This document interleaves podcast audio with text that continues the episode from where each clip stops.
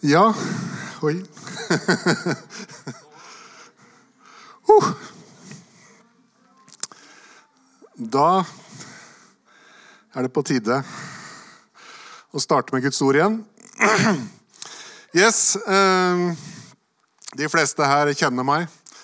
Eh, jeg er da en godt vokst mann som av og til preker litt Guds ord her. Eh, kommer opprinnelig fra Telemark, men har bodd i eh, Tromsø nå i eh, snart fire år. Og jeg elsker den boka her. Den har jeg lest mange ganger.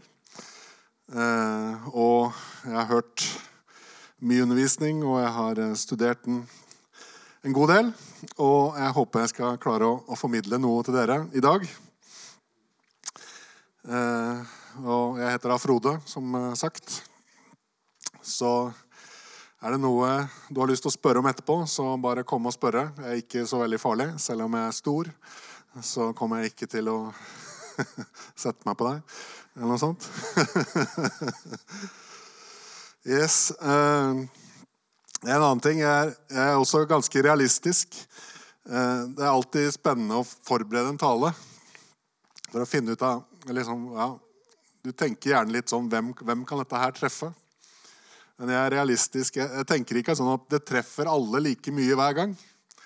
Men jeg stoler på at Gud har lagt noe ned i hjertet mitt, og at det enten skal treffe noen, kanskje én person, veldig mye, eller at det treffer en, en, eh, en god del av de som er her. Da. Eh, Jeg tror spesielt at det jeg skal snakke om i dag, at det er noe som eh,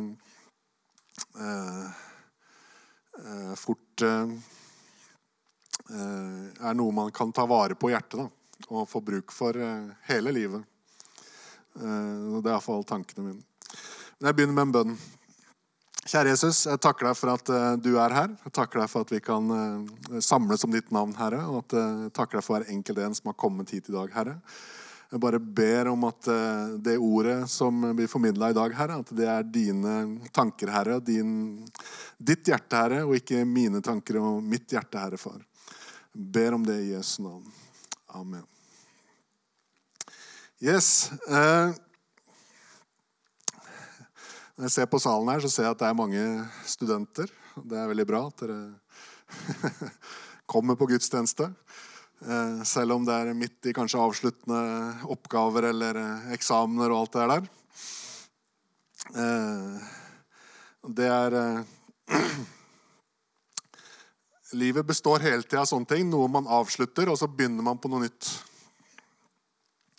Og eh, i større grad når man er ung. da. Etter hvert så kan livet fort bli veldig rutineprega. Og gjerne også kristenlivet. Kanskje du føler litt på det av og til. At du, du sitter fast i et mønster. Eh, at det er ingen utvikling da, i livet. Jeg har kjent på det mange ganger. Jeg har levd litt lenger enn mange av dere. Eh, at det er veldig fort at man, det skjer det samme dag ut og dag inn. Eh, man jobber, spiser, sover osv. pluss litt til. Og det går om og om igjen i uka. Eh, og kanskje det også fører til at man føler at Gud er litt langt borte. Man kommer på gudstjeneste på søndagene, men, men liksom eh, det, det, er ikke alltid liksom man Man vet at ja, ja, vi skal bare gjøre det samme de neste dagene. Så, liksom, så man lytter kanskje med et halvt øre. og Det viktigste er bare å treffe folk og sånne ting. da. Men jeg ønsker å utfordre dere i dag til å eh, ta noen nye steg. da. Og nå kan du ta opp eh, overskrifta. Hvorfor gå på vannet? Er overskrifta mi i dag. Eh, egentlig skal dette handle om tro, men jeg skal ta utgangspunkt i den fortellinga som alle antagelig kjenner, alle har hørt om. Eh, men, men eh, ja Jeg skal komme til noen poenger rundt den. Ja, vi kan begynne å lese de, om, fra Matteus 14 Hele historien står i, eh, fra vers 22 til 33, men vi leser bare 27 til 31, så det blir litt kortere. Eh, så kan du lese resten sjøl hvis du vil det. Eh, Jesus har da nettopp metta 5000. Det er også en veldig kjent historie. Og så tar han og går opp i fjellet for å be, mens disiplene blir sendt av gårde på, over sjøen, over Genesaretsjøen. Det er en ganske stor innsjø. For de som har vært der, så vet de det. Så den der kan det bli eh, røft vær. Da. Og det blir det. Det blir storm og litt sånn eh, eh, altså De sliter litt når de skal over den sjøen. Så plutselig så kommer bare Jesus gående på vannet. Og eh, ja, hvorfor han gjorde det, det, det gir ikke fortellinga noe svar på. Men han, han hadde jo ikke båt, så han måtte jo komme seg til dit de andre skulle. Så han fant ut han skulle gå på vannet. Og de ser han da og blir redde, og så, så kommer vi inn her. da. Så sier, Men straks talte Jesus til dem og sa, Vær ved godt mot. Det er meg. Ikke vær redde. Og så Peter svarte ham, Herre, hvis det er deg, så be meg komme til deg på vannet. Han sa, Kom. Og Da Peter var kommet ut av båten, gikk han bort av vannet for å komme til Jesus. Så neste. Men da han så at vinden var så kraftig, ble han redd og begynte å synke og ropte, 'Herre, frels meg!' Straks rakte Jesus ut hånden og grep han og sa til ham, 'Du lite troende, hvorfor tvilte du?' Og så står det at de gikk sammen tilbake til båten og opp i båten. Og så ble sjøen rolig. Denne historien er veldig kjent. Altså, selv eh, Stort sett de som har eh, vokst opp med litt kristendom i skolen, og sånt, de, de alle vet om at Jesus han gikk på vannet. Og Det er kanskje noe du har fått slengt etter deg som kristen av og til. I, liksom, ja, men kan du ikke bare gå på vannet, da? sånn som Jesus. Det gjør vel alle kristne. Men jeg er sikker på det. Altså, hadde vi fylt opp eh, dåpsbassenget der, eller alle hadde gått ned i Breivika og til kaia der, og så hadde vi prøvd én etter én å ta steget ut Yes, vi skal gå på vannet. Oi. så hadde alle her De hadde gått igjennom De hadde falt i vannet. Eh, og hvorfor det? Mest sannsynlig for ikke vi ikke trengte å gå på vannet. Vi har ikke noen grunn til det. Ingen av dere hadde Alle hadde tenkt idet de datt nedi der Ja, det var det jeg trodde. Du tror ikke virkelig på at du ville gå på vannet, sannsynligvis. Så lenge du ikke har behov for det. Så denne storyen handler, eller det som jeg skal snakke om i dag, handler egentlig ikke om å gå fysisk på vannet. Det håper jeg dere skjønner og husker, i hvert fall. Fra denne søndagen. Men jeg har hørt om kristne som har gått på vannet. Det er typisk sånn misjonshistorie fra Indonesia at eh, forfulgte kristne som holdt på å bli drept, at de slapp unna ved å gå på vannet over en elv, liksom. Så ja, jeg tror at eh, det er faktisk mulig. Og jeg tror det er mulig å, eh, å, gå på vannet. Fysisk også i dag. Men det er eh, ikke nødvendigvis et poeng. Eh, det er et åndelig bilde her som på en måte er mye viktigere. Som er en større greie. Og eh, Jesus, han gjorde veldig lite som ikke hadde en eller annen hensikt. Og Her også får vi oppleve det at Peter han får, han får gå på vannet. Det er ofte veldig fokus på at eh, Peter han sank. Men eh, ned på OKS i Oslo så er det en bibellærer der som også er kunstner. eller ja, Han kaller seg ikke for det, men han, eh, han eh, laga et stort bilde av, eh, av den historien her da, en gang. Som i mange år hang inne i hovedsalen eh, på OKS. Det er jo egentlig det Peter faktisk går på. Eh, fordi han går jo helt ut til Jesus, og han eh, går med tilbake. Så det er helt klart at han fikk oppleve noe der, da.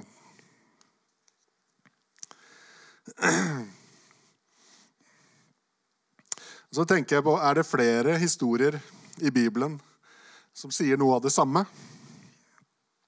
Jeg har egentlig hatt lyst til å, å, å ta mer utgangspunkt i Gamletestamentet når jeg preker. men det er fortsatt ikke liksom, Stort sett har jeg tatt utgangspunkt i Nytestamentet med poengene mine. Men jeg har veldig lyst til å, å vise litt mer fra Gamletestamentet. Hva, hva,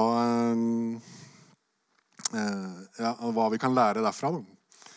Eh, og jeg fant eh, en historie som egentlig er veldig Eh, som sier litt av det samme. Eh, har litt av det samme poenget som jeg ønsker å få fram i dag. Og Den handler om eh, Jonathan, sønnen til Saul. Altså Saul, han som var konge før David ble konge. Jonathan var jo Davids beste venn. Eller, og, men de, i den historien her så, så er det en vanskelig tid for Israel. Eh, de blir undertrykt av filisterne.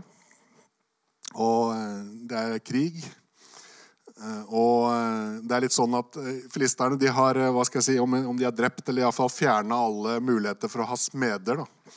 Altså smeder som kan lage våpen. Så det er ingen som har våpen i Israel.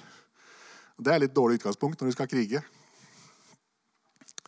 Så øh, øh, så det er egentlig bare Saul og Jonathan som har sverd. Bare de to. Og, og da er de i krig, liksom. Så Israelittene driver og gjemmer seg De driver og gjemmer seg inne i huler, for det var liksom en sånn fjellandskap som de, de kriga i. Da, og så hadde de type sånn jordbruksredskaper da, som de kom fram av og til og sloss litt med. Uh, mens de gjemte seg stort sett. Eh, og i den historien vi kommer inn i, så er, eh, er eh, Jonathan og hans våpensvein, altså hans hva skal jeg si, tjener, som hjalp ham med å bære våpenutstyret hans. Når du var liksom konge eller sønn av kongen, så hadde du sånne muligheter. De er liksom ute og går for seg sjøl, da. Og de Ja de vurderer om de skal gjøre noe. Da. Så hvis du går til neste bilvers i 1. Samuel 14 Det er verdt å lese hele historien, men vi tar bare litt av den. Eh, så ser de filisterne litt, litt ikke så langt unna. Så sier Jonathan, la oss gå over til disse mennene, så skal vi vise oss fram for dem. Hvis de sier til oss, vent til vi kommer bort til dere, da blir vi stående der vi er, og går ikke opp til dem. Men hvis de sier til oss, Kom opp til oss, da vil vi gå opp, for da har Herren overgitt dem i vår hånd, og da skal dette være et tegn for oss. Her legger egentlig litt sånn Jonathan han legger litt sånn eh, hva skal jeg si, livet sitt fram for hogg, hogg bokstavelig talt. Eh, han sier at Yes, vi, hvis, hvis eller vi viser oss, og hvis de sier at vi bare skal bli her, da gjør vi ingenting. Eh, da kommer det filisterne ned til oss, så får vi se. Mens hvis de sier at 'kom opp til oss', da er det et tegn på at Gud er med, og at vi skal vinne over disse her. Og det viser seg at det er det som skjer, da. For Gud, han er eh, gjerne med på de frimodige. Og han, de blir kalt opp til de filisterne. Eh, de overvinner den gjengen som er der, og enda flere. Og Det setter i gang en sånn kjedereaksjon som på en måte gjør at filisterne får panikk og flykter. Og hele hæren til Israel da, forfølger de og, og, og, vinner over de. Da.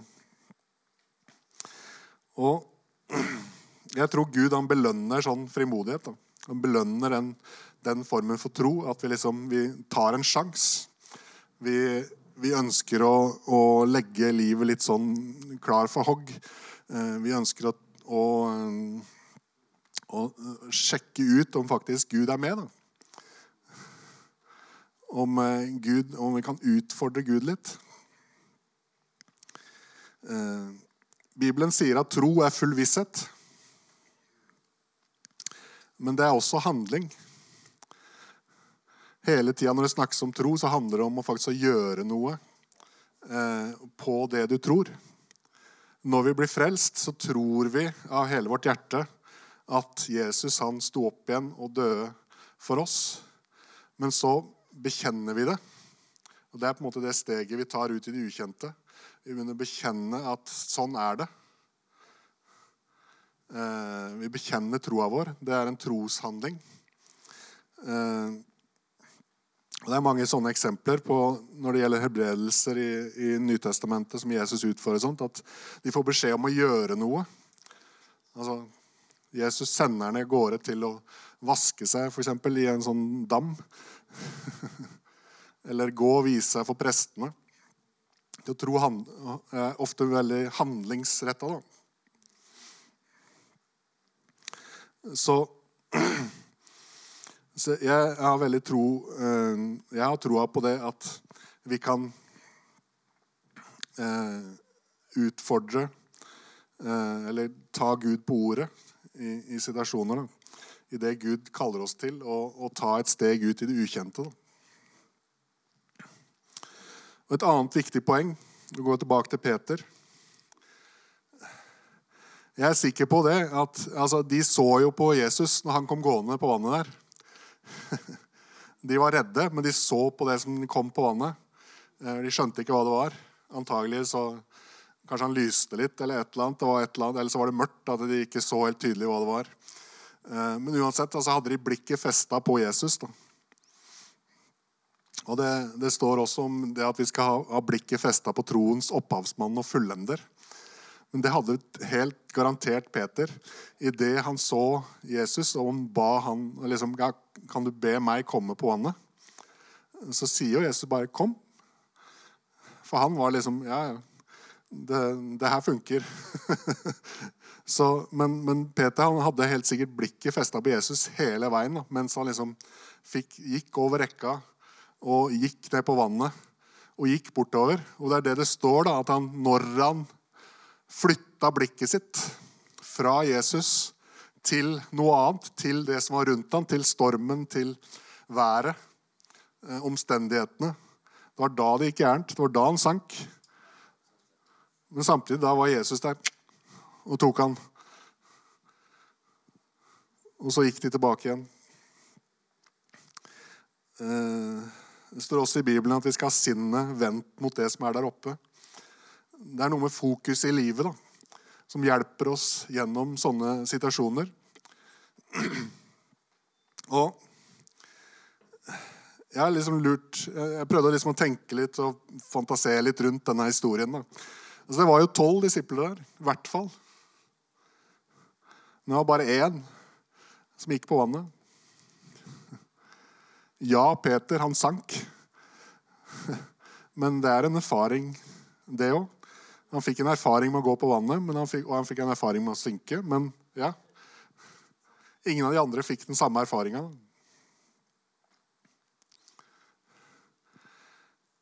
Og begge deler kan være viktige erfaringer. da.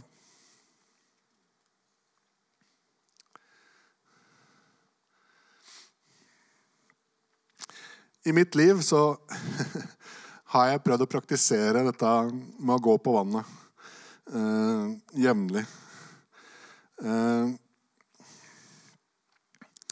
det starta på en måte like etter at jeg på en måte fikk en opplevelse med Gud for første gang. sånn ordentlig.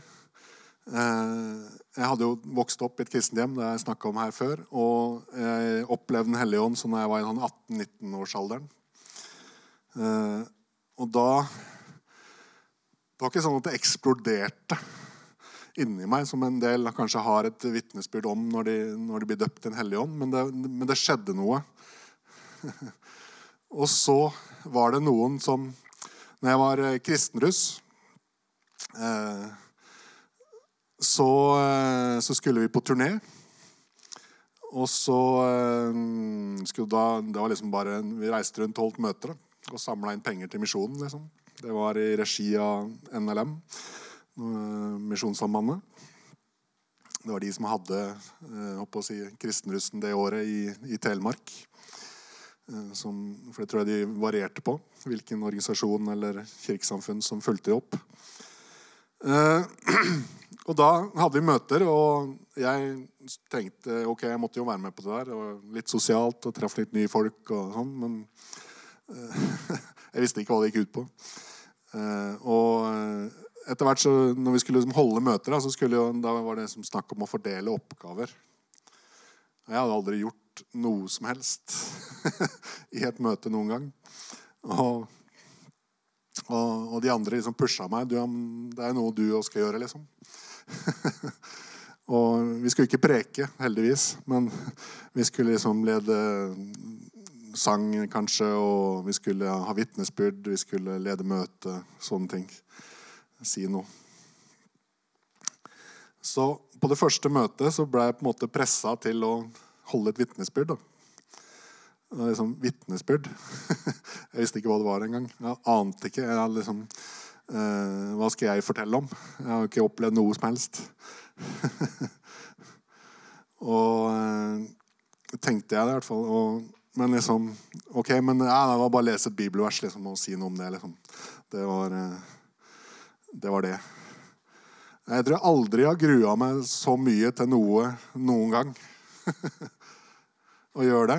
Eh, jeg er jo Ja, jeg er ikke Det ser kanskje ut som jeg trives oppå den scenen her. Og det gjør jeg for så vidt. Men det, sånn var det ikke før. Jeg fikk den dårligste karakteren av alle i klassa på videregående på et foredrag når vi skulle holde foredrag i norsktimene. Jeg var så sjenert det var helt forferdelig å stå foran folk. Og, og, og denne greia der igjen. Så, men, så det føltes virkelig virkelig å gå på vannet. Det jeg gjorde da når jeg skulle liksom stille meg fram for å bare lese et bibelvers og si noe om det.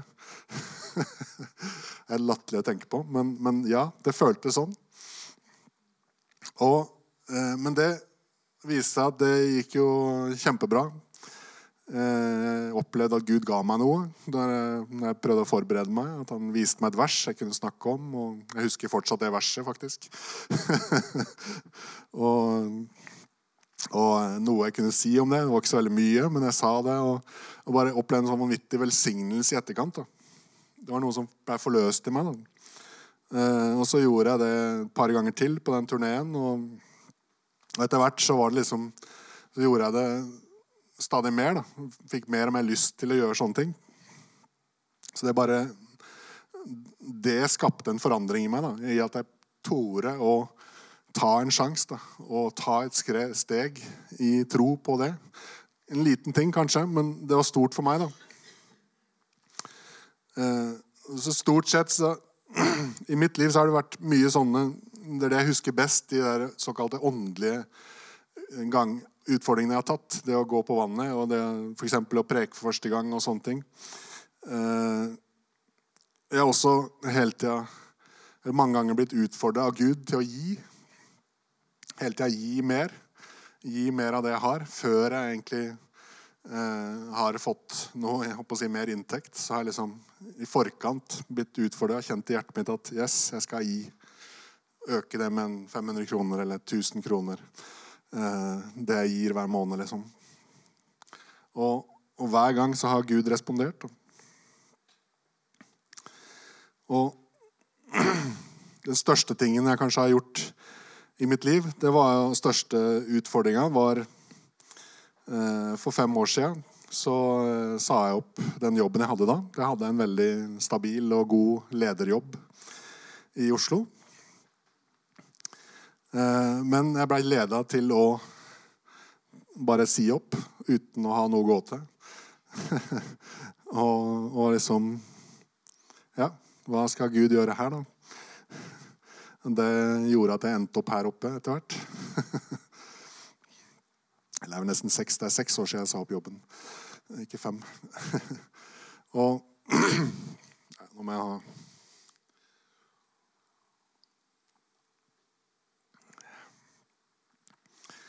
det Mye jeg lærte av den perioden der, eller den, det greiene der Kanskje ikke alt som jeg gjorde i riktig rekkefølge på det tidspunktet der, men det ga meg en erfaring.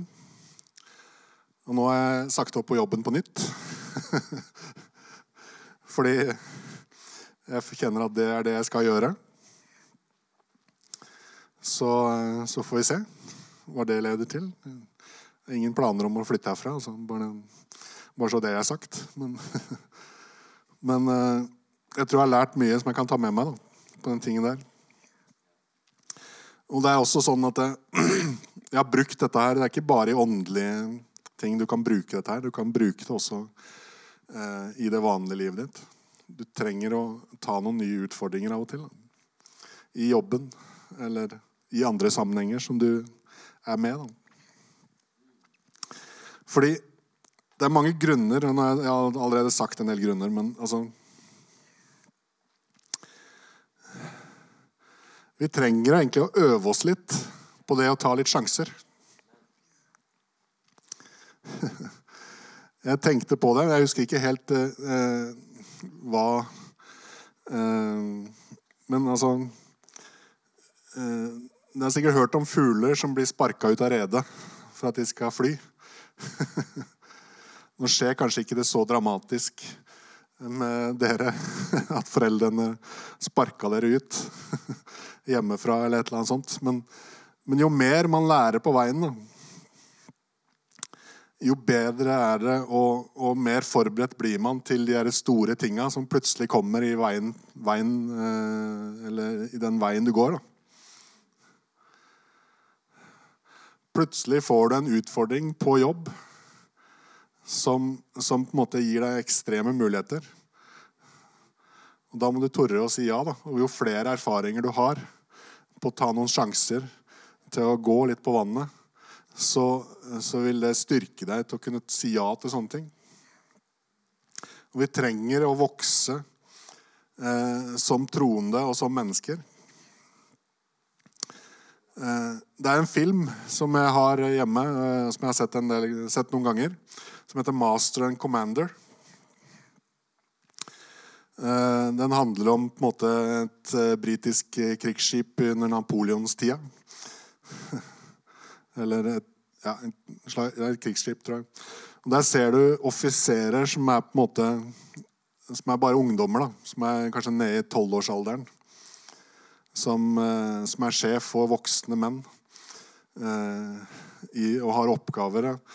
Og poenget med, med, å si det, da, det er jo at Eh, jo mer erfaring du får tidlig i livet, da, jo større ting kan du ta på deg. Det var mye mer vanlig at unge mennesker hadde stort ansvar før i tida, for de måtte det. Det var eh, helt nødvendig for å overleve. Og det å ta på seg større ting, ta på seg jobb, ta på seg oppgaver, det var helt vanlig. I dagens samfunn er det mye snakk om curlingforeldre. som koster framfor ungene for å hindre at de kommer borti utfordringer. Ikke bli sånne foreldre. Har, eh, nå har ikke jeg barn sjøl, så jeg har ikke hatt muligheten til å hva skal jeg si, ikke gjør det. Men det er så viktig å på en måte gi ungene noen utfordringer. La dem få oppleve livet Eh, så er du alltid rundt der for å kunne hva skal jeg si, redde dem. Men, men, eh, men det samme er med åndelige barn. Da. Vi må også gi hverandre utfordringer eh, til å Hva skal jeg si Så vi tåler mer det som kommer. Da. For livet er ikke enkelt. Det er ikke sånn at når man blir kristen, så går alt av seg sjøl. Da blir alt veldig, veldig fint og greit resten av livet. Eh, du, må, du, vil møte på utfordringer. Vi vil kanskje møte på sykdom, enten sjæl eller gjennom nær familie eller andre ting som treffer en. Da. Og Det er da han trenger å ha, ha, ha testa Guds ord og stått støtt på Guds ord. Vi må lære oss å stole på Gud. Vi må finne ut av gavene. Det er noe som kommer fram når du tester ut ting i livet ditt. Du finner ut av hvilke gaver du har fått, hva som er lagt ned i deg, hvilke evner og egenskaper du har. Og det er så bra. Vi må lære å bruke det Gud har gitt oss. da. Det største han har gitt oss, det er en hellige ånd. Jeg har allerede nevnt at jeg fikk oppleve det når jeg var 18-19. Og har brukt mange år på å finne mer og mer ut av det. Det gjelder å være nysgjerrig på det på Gud har for oss. Det er ikke farlig. Eh, men det er mye som er tilgjengelig da, gjennom det Gud har gitt oss. Og så er et av mine favorittvers da, Romerne 2,11. Som Altså, Gud han gjør ikke forskjell på folk.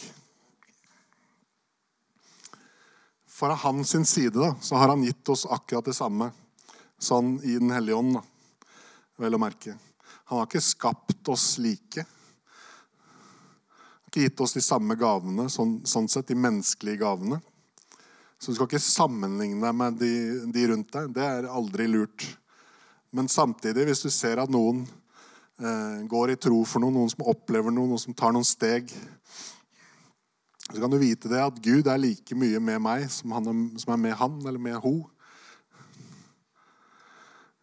Gud har gitt deg den samme Hellige Ånd. Det er bare Utførselen kan være forskjellig. Da. Så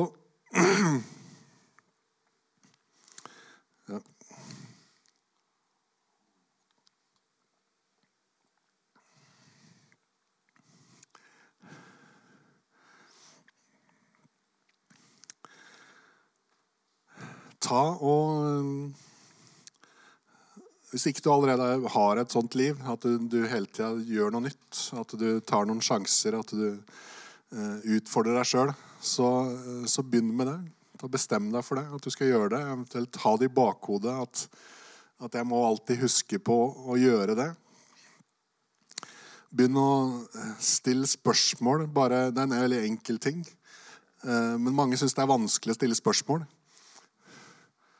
Fordi de føler at da avslører jeg hvor lite jeg kan. Men å stille spørsmål er en sånn grunnleggende greie som gjør at du, du, lærer mer. Og kan ta nye steg. Det er ofte en utfordring for noen. Eh, Simon snakka veldig bra om det å gi her. Det å begynne å gi. For noen er det en kjempeutfordring. Det er en veldig sånn målbar greie. Eller det å gi tiende. Det høres veldig mye ut hvis man ikke har gjort det. For min del så begynte jeg med det helt fra dag én når jeg begynte å tjene penger. Så det, det har vært, en, vært si, enkelt. Men men jeg prøver å pushe meg til å gi mer hele tida Det er en vanvittig bra måte å, å hva skal jeg si eh, prøve troa si på. da. Og det er det den der det, om, eller det kapitlet, eller det avsnittet som Simon leste fra, det handler om. Og det er liksom å ja, stole på Gud. Eh, kanskje du bare skal be høyt. For noen så er det en kjempeutfordring. Når du er i life-gruppa, er i en sammenheng der det blir mulighet istedenfor alltid ikke si noe. Kanskje du skal be høyt neste gang. Det er en eh, ja, Jeg kan fortelle lenge om det òg, men eh, hvordan det skjedde for min del. Men eh, det er så en velsignelse for eh, de rundt deg. Da. At du er med og, og ber. Og det er noe du kan bare begynne med hjemme. Be høyt når du er aleine. Snakk med Gud. Tal ut det du er opptatt av. Får du en mulighet til å ta ansvar på jobb eller i kirka, så si ja.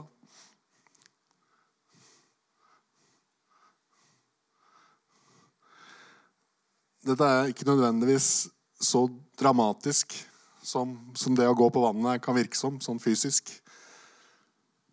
Både små steg og store steg teller. Men det er noe med det å ikke falle inn i den der bare gjøre det samme hele tida. Det er å utfordre seg sjøl og gå videre i livet. Det er det å vokse. Jeg tenker vi er kalt som, som kristne til å vokse. Vokse i Gud, bli mer kjent med Han, bli modne. Bli noen som faktisk kan gi det videre. Da. Og da må du ha erfaringer. Det kan hende det går gærent. Det er ikke verdens undergang. Det kan hende du blir flau eller gjør noe teit, eller at eh, det var fullstendig krise når du holdt vitnesbyrdet ditt. eller kanskje noen skal fortelle om uh, troa si til naboen eller til uh, noen på jobben eller et eller annet. Det er også en kjempeutfordring. Skremmende, kanskje, men uh, det er så viktig, altså. Og det å stå i tro, til å bare stå fast på at det, ja, men Gud, han er med meg. Dette her skal gå gjennom. Han har gitt meg et løfte. Det å holde ut, da, selv om ikke vi kanskje umiddelbart får bønnesvar, det er også noe som er veldig viktig. Eh, kanskje.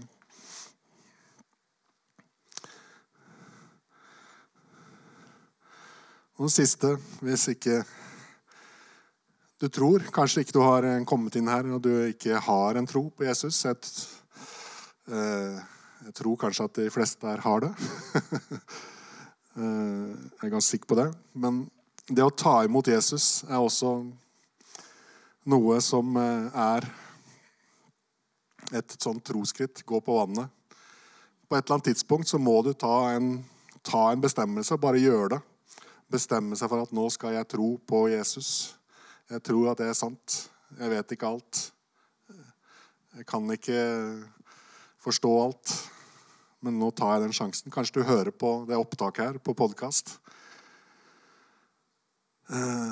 Så, så, oppfordrer jeg til faktisk å ta den bestemmelsen. Si til Jesus ja, jeg tror, jeg tror at du sto opp igjen fra de døde. At du døde for mine synder. At du lever i dag. Og jeg vil at du skal være min herre. Det er det enkle, enkle, enkle som, som gjør at vi flytter over fra Når vi virkelig mener det med vårt hjerte, så flytter vi over fra fortapelsen til livet.